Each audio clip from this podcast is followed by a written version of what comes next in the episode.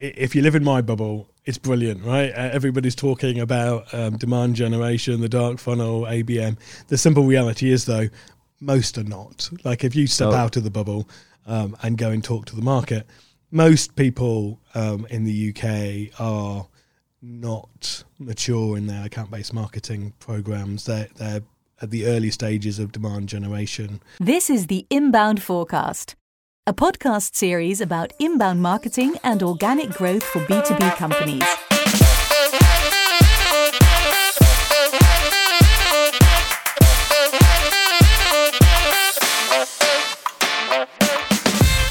Here's your host, Gerald Arcus. Uh, hi, yes, welcome uh, to my Hey. podcast. Hey, yeah, really good to be here. Yeah, thanks a lot. Uh, we are here at Brighton for the Brighton SEO event, and uh, you have your talk later today. That's right. two About- hours. Two hours to go. yes, about the dark funnel. That's right. So this podcast is a warm up for you. It is a nice dry run through without, without the pressure of the crowd. Indeed, only the camera. Yeah. Yeah, I hope my voice is. Um, people can hear it because uh, it, wa- it was a wild party yesterday here, so uh, a little bit of a hangover for me, but uh, I'll try my best. Um, before we start, can you give a short introduction of who you are? Yeah, sure. So my name's Riaz Kanani. I am the founder and CEO of Radiate B2B. Um, we basically help uh, companies sell to enterprise, their sales development teams, make sure we um, tell them exactly who they should be speaking to right now. Yep. All right. Sounds good. And um, you're talking about the dark funnel. That's right. That's right. Uh, can you give a little bit of insight? So, what is the dark funnel? Yeah. So um, uh, when um, I was um, part of Silverpop um, 10, 15 years ago, you know, we were building up the marketing automation um, platform world, if you like, and you know, setting out the best practices, of MQLs, SQLs, all those sorts of things. Yeah. Um, and you fast forward to today, and a lot of the problems that we were trying to solve back then exist again today. And and the major reason for that is um, is because people are delaying buying. So, um, they, and I don't mean delaying as in they're, they're waiting longer. I mean as in they are delaying um, talking to the vendors. Um, and so they will research more online outside of your bubble, outside of your website. And compared to, to when is this a big change? So, is this uh, five So- years ago, so- ten years ago? So we started to really notice it five years ago. Yeah. Um, and it's what pulled me back into building a new startup, right? So, so I don't know, it must be eight, nine years ago. I said I was never going to do another startup again, right? Yeah. Um, and here I am. Um, and, and that's when we started to see, you know, we started to see metrics like um, you know, the number of times people would visit a website anonymously before they convert was increasing. Um, when um, um, outbound sales teams were trying to get through, we were seeing they were taking longer to get through to companies. It was harder to get through, harder to respond, and a lot of that's to do with um, not just the delay, but also the the demographic of the buyer. Yeah. Um, and so, to go back to your question of what is the dark funnel, um, you know, in the past we've always had this period of time where buyers would, you know, send an email to somebody they knew, their mentor or, or their previous boss, and ask them a question, right, about about what what they should be looking at for this problem. Yeah. Um, but because you involved the sales teams earlier, it was never really something to focus too much on. You knew about it, you'd do advertising, etc., etc. You'd write content. Um, today, though, that gap is so big that actually that time frame is really important to now focus on. And so it's been called the dark funnel. And basically, the dark funnel is this period before they convert on your website where they are talking about you on social media, on podcasts like this, um, in communities. Um, you know, you might, as a company, put a, a social post out. Um, you don't know that company X has seen that post. You've got no idea. Um, you have even less idea that that person screenshotted that post and then shared it with their boss, right? Um, So, so the fact that maybe that uh, people are visiting the website of companies uh, less and less is a big part of it. it's it's that they're visiting companies anonymously more and more Yeah. rather than that they're visiting vendors less and less. They uh, But but also the, the part of consuming content in the LinkedIn right. feed and, and right. things like that. There's much more information available, and of course, the lockdown with COVID accelerated that. Right, the amount of content generated in the last couple of years has just ballooned. yeah. Um, um, you know, the the easiest way to um, to show that really was the the massive increase in in CPMS that you saw on LinkedIn over that. Just from an advertising standpoint, forget about the organic yeah. Perspective. All right. And uh, you you mentioned a few tactics for um, in the dark funnel. So communities, social, podcast. I think YouTube. Yeah, that's right. Um, um, uh, basically, it's it's um, it's looking at where the fundamentals of marketing don't change. Yeah. Right. Um, it amazes me to this day. Right. I've been in marketing twenty years, sort of thing, and um, the concepts that I learned back at university are on on the four Ps. Right. Um, they really don't change. Um, um, but beneath that, everything changes constantly, and and that's the big difference now, right? So um, it's looking at where people are going. They're clearly going more to social than they've ever done before. Um, it, it's clear that um, there's a lot more peer-to-peer conversations therefore going on, and so you know, I think about five, six, seven years ago, we saw a rise in the larger tech companies buying publishers. Yep. And one of the reasons for doing that is because you can suddenly um, have access to an audience that isn't coming to your, your website. They're coming to consume. Yeah, it's easier to buy it than to to build it yourself. And That's uh, right. Yeah, now, not all of us, not all of us can buy No. publisher. so, but in the last couple of years, what you've also seen is a massive explosion in the in communities, um, and so we last year launched um, a B two B sales and marketing pioneers community. For, so do you think that's really a trend? Because communities, uh, 10 years ago, you already had That's them. right. But I, I think in the last months, everybody is talking about it again.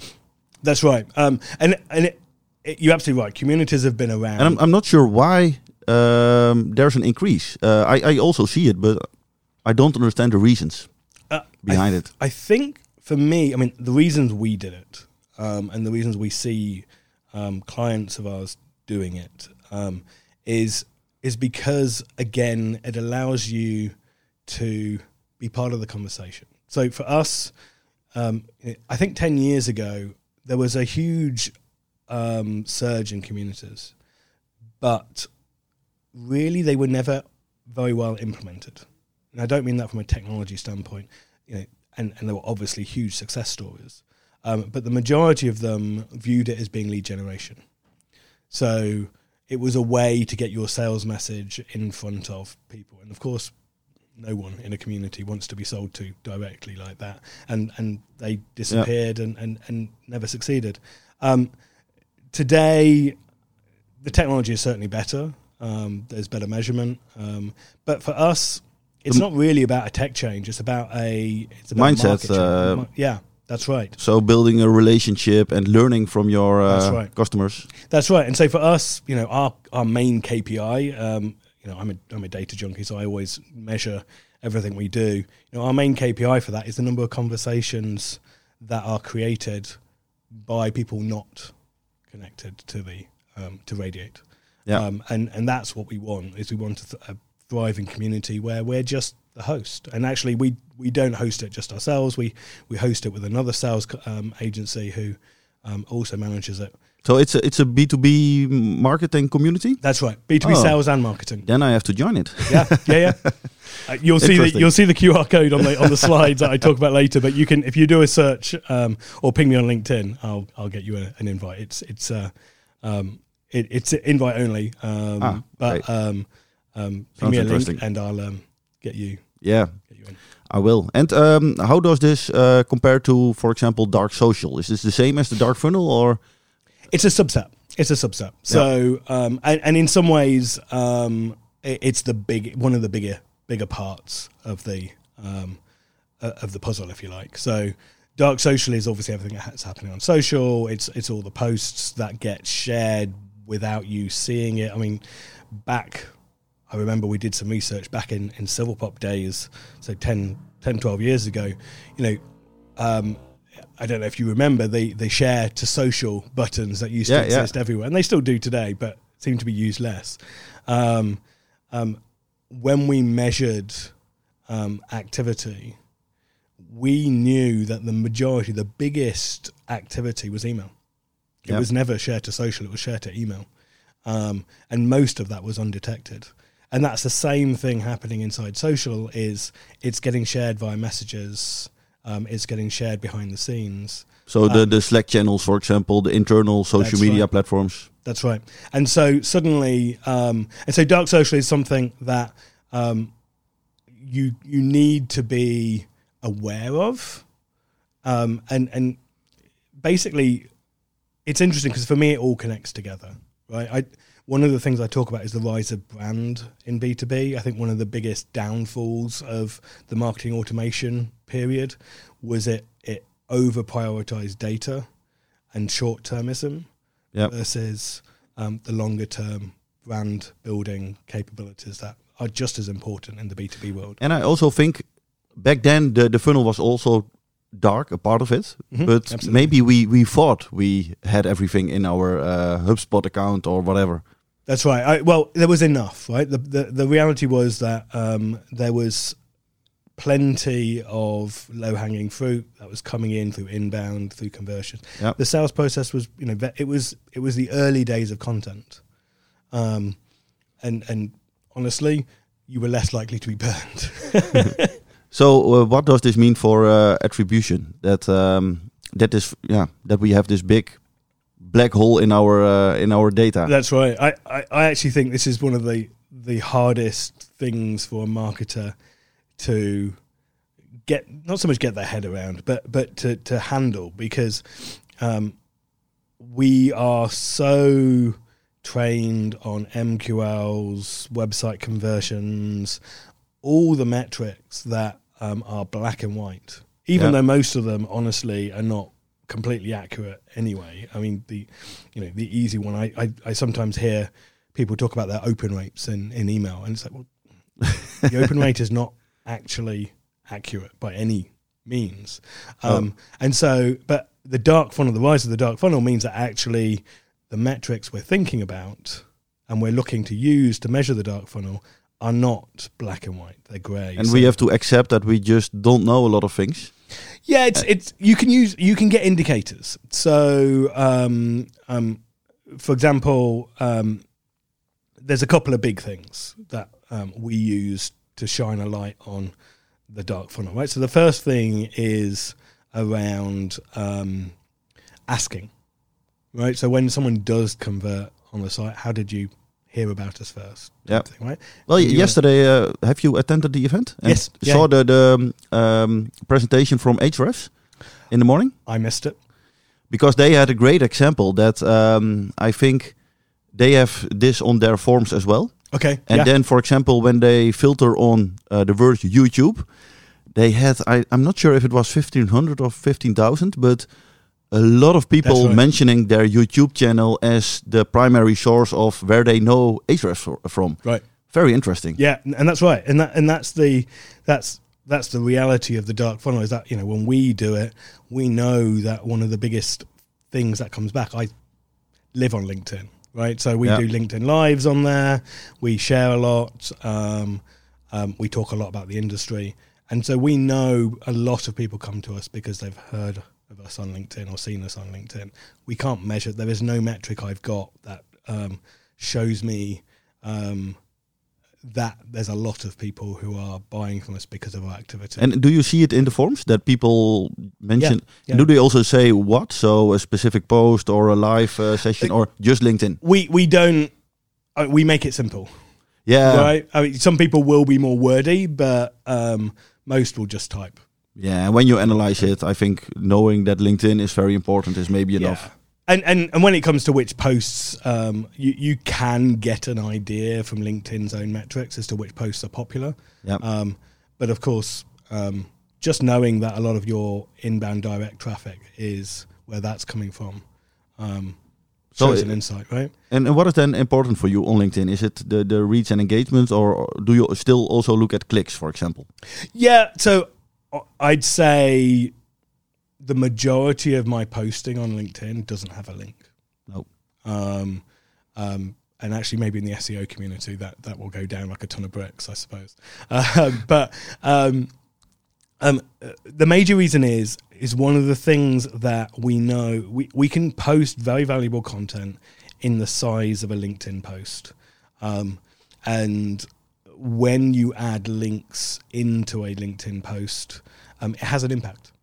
Um, the algorithm isn't happy with it. yeah, that's right. Um, and and and actually, so so my current theory, and these theories change all the time because LinkedIn changes all the time, um, is that links have a domain authority within the algorithm on LinkedIn, and for most of us in the B two B world, that that domain authority is extremely low. Um, so you're saying that when you have a high authority, maybe the, the reach of the link that's right. is better. So when we we know when we post certain links, whether it's sometimes the BBC or TechCrunch, you know, we'll see tens of thousands of views.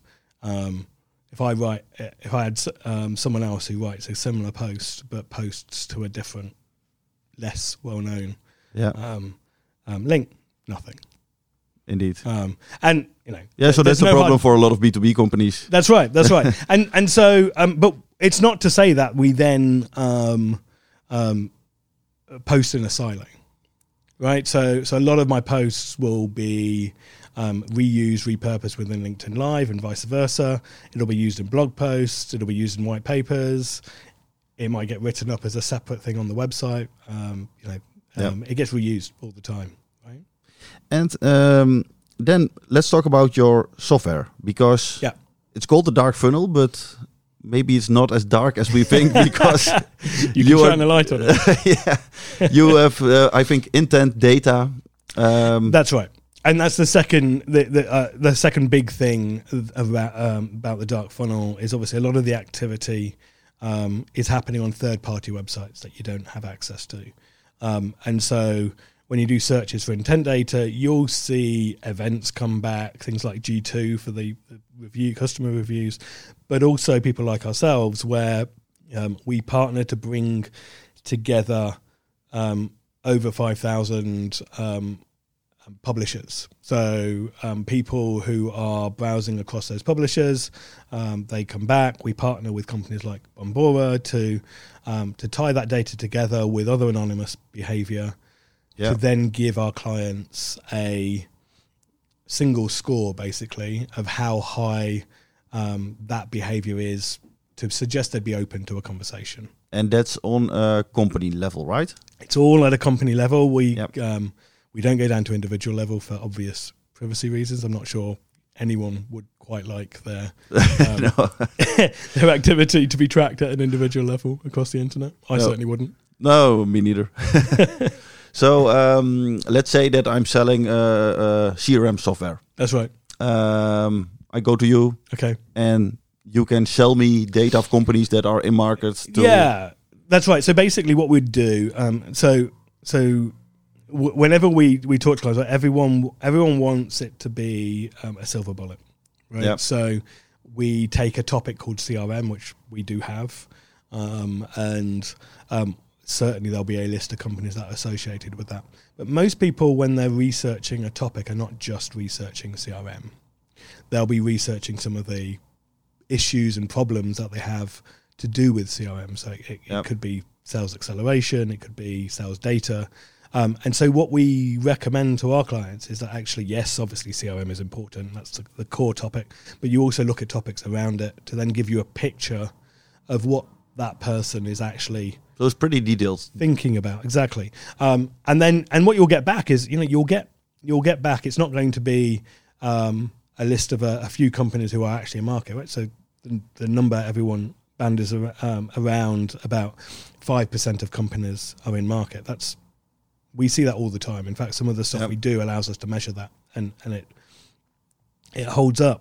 Um, the So it's in the, the demand capture corner. That's right. So what we what we were able to do is yes, we'll identify some of the companies that are buying today, the top 10, 20% of them probably.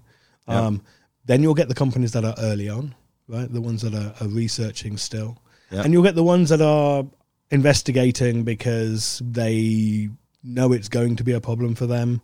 Um, they're not yet in the buying process, but you'll get those as well. Yeah. Um, and so, uh, you know, our clients are companies who sell. They're, they're usually mid-sized companies that are selling um, to um, larger companies, Yeah. and so the sales cycles are longer. Um, and anyone who works in that space knows you don't pick up the phone to the buyer and magically the following day you've got a deal. It, it Yeah, so it's, it's I think months, account right? based marketing. sorry, account based marketing, for example, is uh, um, maybe an important approach to use your data. Um, account-based marketing is certainly one of the approaches. Definitely, certainly when you are selling to um, big enterprise, most people will have a mix of a demand gen or inbound plus an ABM standpoint. Yeah, Um, the primary users of the data really is uh, both sales and marketing. So certainly the sales development teams knowing who they should speak to next, um, but also the marketing team from a um, an activation standpoint. So um, targeting those companies specifically with advertising um, can um, just ensure that when those conversations happen, um, they're more likely to have that conversation. So we see a two to three x um, uplift in companies taking a demo when you combine the intent data with advertising, for Yep. yeah. So advertising indeed is a, a big part of it too. I think. Yeah. the easiest way, easiest way to reach the, the list of companies. Yeah, and that wasn't you know that wasn't possible before, right? Because before you would have to target an entire vertical. Um, and for most B two B companies, targeting large verticals It's very is expensive. very, very expensive, right? Um, but when you translate that down to specific companies, suddenly you might have a target account list of 500, 1,000, 5,000. Yeah, You know, at, at those sorts of levels, you're able to basically um, manage your market and, and just keep feeding small amounts of adverts and then increasing the, the frequency based on what you know as a business. And what type of ads do you think are then relevant for the? Can it be uh, targeted at your products or services, or should it be more demand gen uh, ads? Yeah, it, it it one of my bugbears in the B two B world is how functional we often are in our in our advertising. Um, and it's very it's very straight down the line. It's very um, standardized, if you like, um, and that's always a bad thing in advertising. If your ad looks like everybody else's, Yeah, it's not going to get seen. So, so for me, I mean, it, it depends, right? So if if the companies that you're talking to, you're putting adverts in front of, are companies that don't don't know you, um, and you don't know um, much about them other than you think they'd be an ideal customer, then you want to be feeding your story, right? Your your why is it that you exist, and and Yep. and, and um, educating from that perspective. and then maybe the click isn't even that important. No, that's right. Um, and and interestingly, uh, it varies. So so a couple of interesting stats that we see all the time, right? So um, we sell to companies that sell to enterprise. We do that across lots of different verticals, but across all those verticals, twenty to thirty percent of the companies we target will magically appear on the website. Um, and in a brand led channel, you screen out consciously those ads when you're not interested. So for somebody to then magically appear on the website, they're seeing those ads, they're thinking about that Yeah, situation, right? It's interesting to them. Um, and so that was interesting to me. But the, the other thing is, is what when you look a level below that, and you look at the um, how that twenty to thirty percent breaks down um, in manage um, so professional services, management consultancies. Um, it's about 60 40 70 30 in favor of people clicking yeah, it's almost the inverse for technology companies. So seventy percent will turn up on the website, thirty percent will click. yeah. Um, and so it's really interesting to see that how that varies. And I, I we, we we haven't gone yet to go and interview some of these different industries to try and figure out some of the reasons. But uh, Yeah, so the, the, the idea behind uh, demand generation that people will come to your website if you are that's just be there and and yeah. Yeah, that's right. you see that with the ads too. If you uh, presence, uh, fundamentally, the a lot of marketing is about um, your share of market voice. Yeah. Right. Um, and, and the more share of voice that you have, the the stronger um, you are in that market. Now, of course, common sense plays a part here. Just because I get, um, let's say, a hundred million pounds worth of funding and I burn all of that in advertising, I'll have a great share of market voice. But it won't be very there won't be a strong connection to the audience. They'll know who we are, but they won't have any value associated with that. They'll Yeah. have a little bit of trust, and so it, you have to combine multiple methods to both increase the awareness, but also um, back it up with um, quality value um, conversations. Where, where do you think we are when you look at the maturity level of most B2B companies and this this approach? if you live in my bubble, it's brilliant, right? Uh, everybody's talking about um, demand generation, the dark funnel, ABM.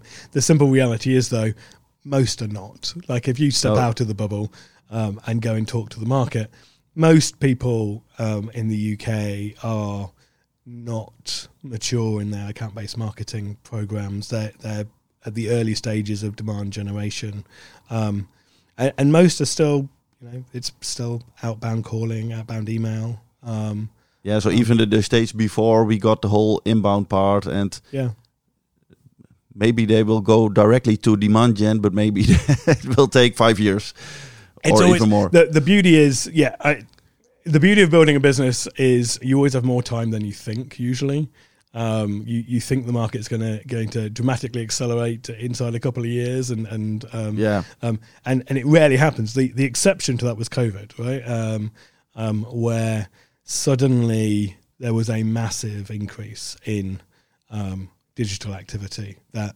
really brought a lot of what we're talking about today um, to the fore much faster than it would have done otherwise. indeed.